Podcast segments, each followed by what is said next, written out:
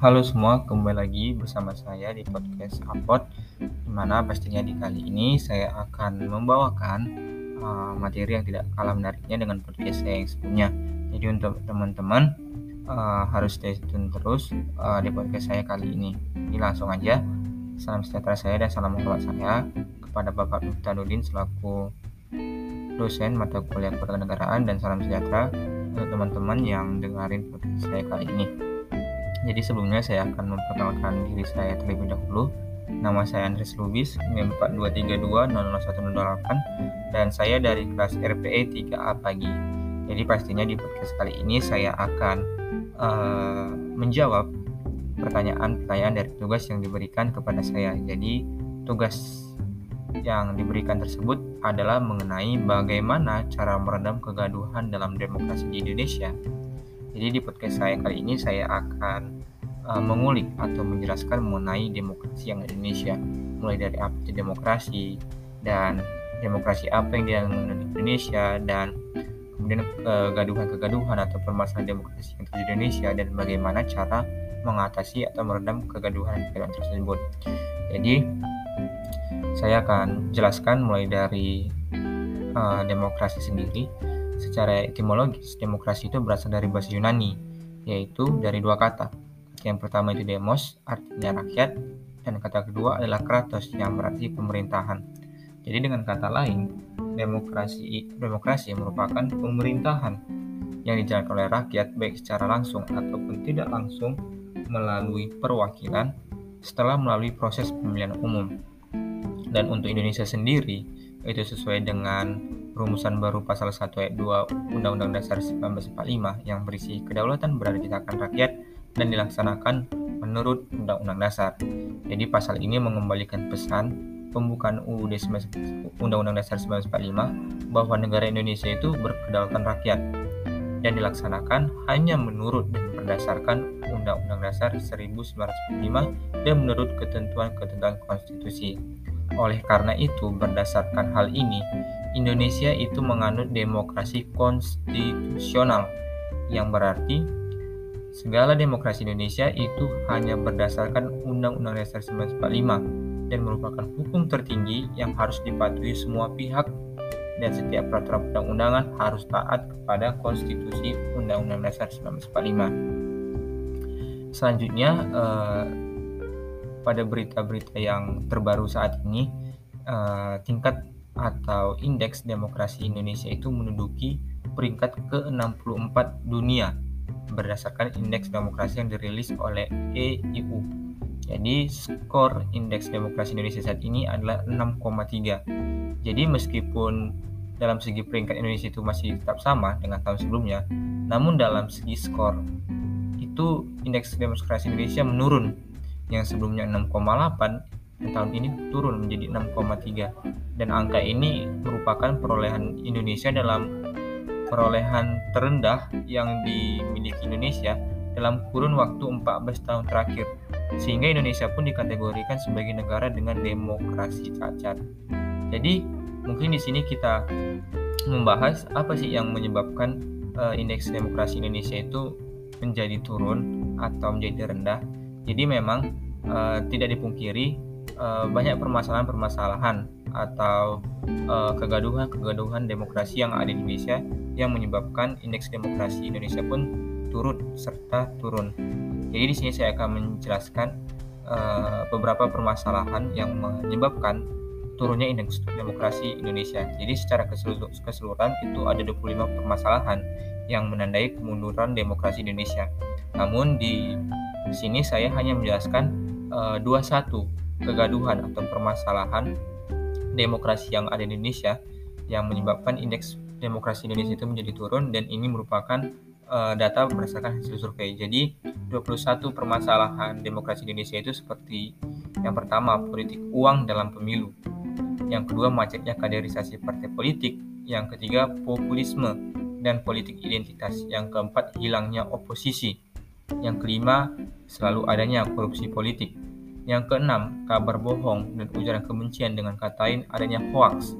Yang ketujuh, rendahnya literasi politik. Yang kedelapan, lemahnya masyarakat sipil. Yang kesembilan, rendahnya kualitas pemilu yang yang diselenggarakan di Indonesia, baik itu pemilu maupun pilkada. Yang ke-10 itu media massa yang kurang berpartisipasi, kurang berpartisipasi. Yang ke-11 rendahnya literasi media.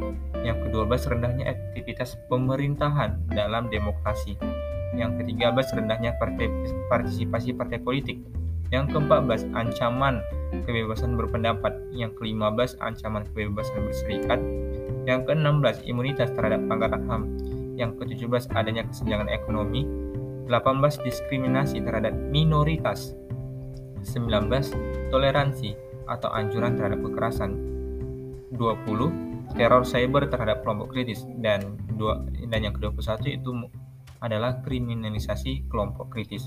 Jadi 21 poin inilah yang menjadi permasalahan atau kegaduhan yang masih sering terjadi dan timbul di sistem demokrasi uh, di negara Indonesia ini. Dan hal inilah yang mau tidak mau menurunkan angka indeks demokrasi Indonesia di mata dunia. Jadi kita sebagai warga Indonesia pastinya ingin indeks demokrasi kita di tahun ke depannya itu diperbaiki sehingga ada indeks demokrasi Indonesia itu semakin meningkat.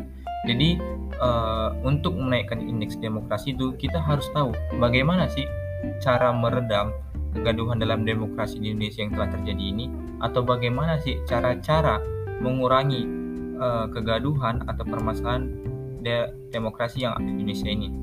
Jadi di sini saya akan menjelaskan uh, bagaimana cara meredam kegaduhan dalam demokrasi Indonesia. Di sini saya akan menjelaskan dua cara.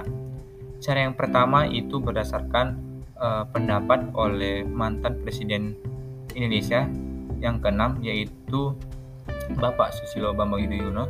Jadi beliau menawarkan lima hal fundamental untuk mengatasi kegaduhan demokrasi Indonesia.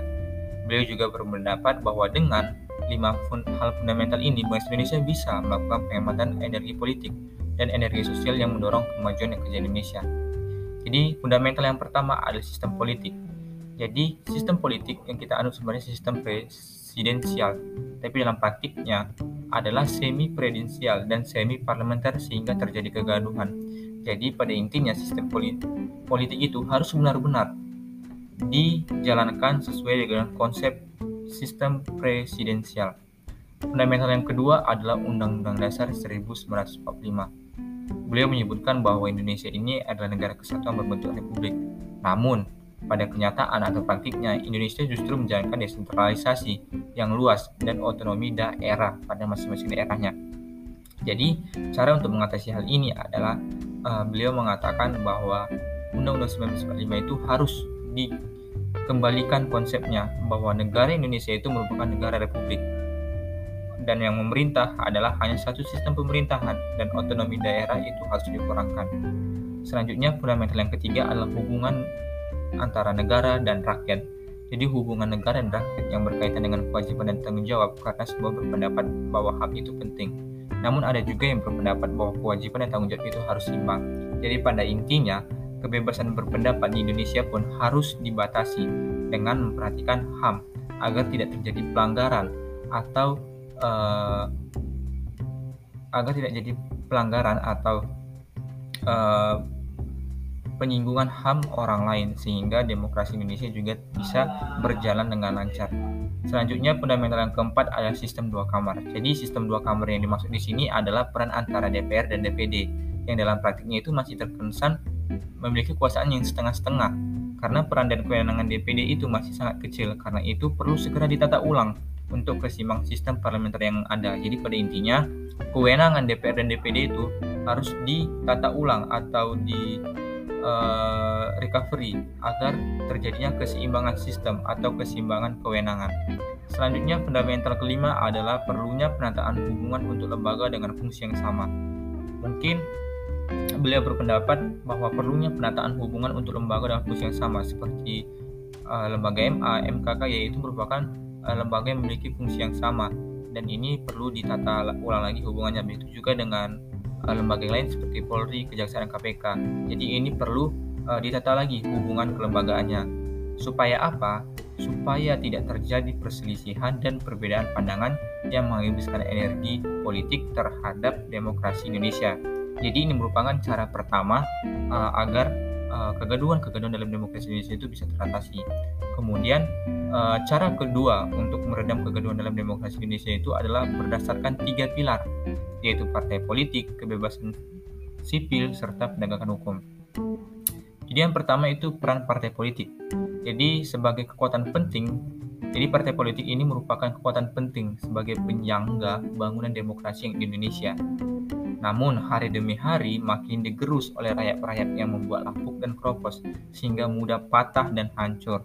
Jadi dengan kata lain, partai politik itu uh, masih dihinggapi eh, masalah-masalah uh, seperti masalah feodalisme atau oligarki yang membuat partai politik yang sekarang ini kurang berkembang dan kurang berpartisipasi dalam demokrasi di Indonesia.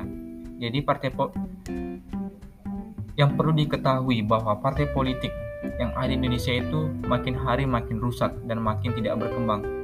Dan penyebabnya itu adalah ulah polis politisinya sendiri atau ulah keadaan partai politik itu sendiri seperti terjarat skandal korupsi, penyalahgunaan kekuasaan hanya demi biaya politik dan memperkaya diri. Akibatnya, parle, akibatnya partai politik itu diidentikan dengan keculasan. Justru karena ulah politisi tersebut, partai politik menjadi jelek. Sehingga uh, peran atau partisipasi partai politik dalam demokrasi Indonesia itu sangat kurang. Jadi apa sih yang perlu dibenahi dari partai politik ini? Jadi partai politik ini perlu direformasi serta perlu dikuatkan untuk menumbuhkan derajat legitimasi dan uh, kejujuran dari masyarakat. Jadi partai politik itu harus diperbaiki, harus para kadernya harus diberikan uh, literasi mengenai demokrasi agar uh, fungsi partai politik sebagai salah satu pilar dalam demokrasi itu terwujud sehingga dengan maksimalnya peran partai politik dalam demokrasi itu akan bisa mengurangi eh, permasalahan-permasalahan uh, atau mengurangi kegaduhan dalam demokrasi yang terjadi di Indonesia. Pilar yang kedua adalah menyangkut kebebasan sipil. Jadi ukuran penting suatu demokrasi bekerja adalah ketersediaan ruang bagi masyarakat atau warga negara dalam mengartikulasikan pendapatnya dan pikirannya, mengorganisir diri serta bertukar atau mengakses, mengakses informasi. Jadi jika masyarakat sipil dapat bertumbuh kembang dan kuat, maka akan mampu mengimbangi negara dengan elemen-elemen masyarakat politiknya. Jadi dengan kata lain, kebebasan yang diberikan kepada masyarakat sipil dalam ikut berpartisipasi dalam demokrasi dalam demokrasi itu akan membantu mewujudkan demokrasi yang aman, demokrasi yang transparan terhadap demokrasi dalam dalam pemerintahan kita. Jadi rakyat juga memiliki peran yang sangat vital atau peran yang sangat penting dalam memajukan suatu demokrasi suatu negara. Pilar yang keempat itu penegakan hukum, pasti. Apa pun itu harus dilandasi dengan hukum. Jadi secara normatif, hukum itu merupakan merepresentasikan garis batas atau ambang batas dan hubungan dalam kelola kekuasaan. Jadi baik di aras negara maupun masyarakat. Jadi melalui hukum, kekuasaan demokrasi itu diabsahkan atau dibatasi karena hukum itu uh, merupakan salah satu instrumen pokok atau dasar atau landasan untuk mengatasi segala sengketa untuk mengatasi segala sengketa agar mencapai keadilan.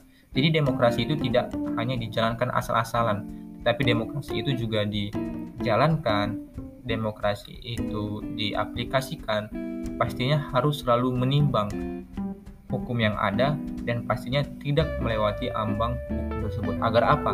Agar demokrasi yang dijalankan atau diaplikasi itu mencapai demokrasi yang adil, demokrasi yang sejahtera. Jadi uh, ini merupakan jadi ini merupakan uh, dua cara untuk uh, meredam kegaduhan yang ada pada demokrasi Indonesia. Pastinya uh, kita sebagai masyarakat Indonesia harus ikut berpartisipasi dalam uh, mewujudkan demokrasi Indonesia semakin lebih baik. Mungkin uh, cara lain, mungkin cara-cara lain untuk cara cara-cara lain untuk meredam kegaduhan dalam demokrasi Indonesia itu seperti mungkin menurut saya pribadi adalah dalam pelaksanaan pemilu. Mungkin sebagian kita tahu bahwa pemilu dan pilkada ini merupakan salah satu aplikasi nyata bahwa negara Indonesia adalah negara demokrasi di mana pemilu ini rutin dalam pemilihan presiden baik itu kepala kepala daerah dan kader-kader untuk lembaga-lembaga pemerintah Indonesia. Jadi mungkin pelaksanaan pemilu Indonesia ini masih perlu sangat diperbaiki. Seperti uh, money politik itu harus dihilangkan agar tidak terjadi kecurangan dalam pelaksanaan pemilu. Kemudian intimidasi dalam pelaksanaan pemilu juga harus dicegah. Jadi intimidasi ini juga masih sering terjadi dalam pemilu, di mana ada ancaman kepada salah satu pihak agar uh, salah satu kadernya dapat dimenangkan. Jadi hal intimidasi ini juga harus dikurangkan. Kemudian kong kali kong atau kerjasama antara penyelenggara pemilu dengan kontestan itu juga harus dihindari agar terciptanya pemilu yang transparansi. Kemudian bagaimana sih cara lain kita agar dapat membantu mengurangi permasalahan atau kegaduhan demokrasi Indonesia. Kemudian uh, menurut saya yang uh, yang perlu harus yang menurut saya yang perlu di, harus dilakukan oleh pemerintah adalah pemerintah itu perlu adanya transparansi dalam segala aktivitas pemerintahan. Jadi pemerintah itu harus lebih transparansi lagi terhadap demokrasi uh, yang ada di Indonesia agar masyarakat juga tahu dan tidak uh, berpikiran jelek atau buruk terhadap langkah-langkah yang di yang diambil pemerintah. Kemudian pemerintah itu harus lebih mengutamakan kepentingan rakyat daripada dirinya sendiri. Karena negara demokrasi itu adalah negara yang uh, kekuasaan tertingginya itu adalah rakyat. Maka oleh karena itu apa pun langkah-langkah yang oleh pemerintah itu harus mementingkan kepentingan rakyatnya.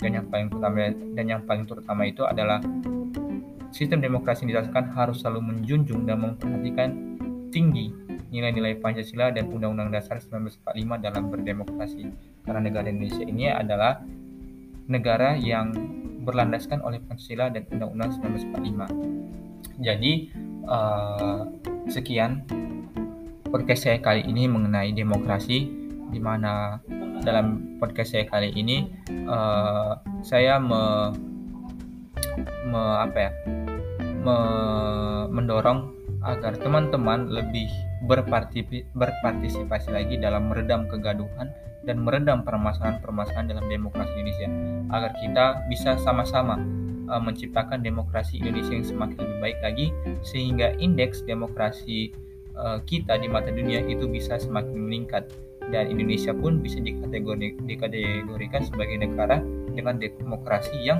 tinggi, demokrasi yang baik. Jadi sekian uh, materi yang bisa saya sampaikan mengenai demokrasi uh, kiranya uh, materi yang sudah saya bawakan bisa menambah wawasan teman-teman mengenai demokrasi. Uh, terima kasih atas perhatiannya. Terima kasih.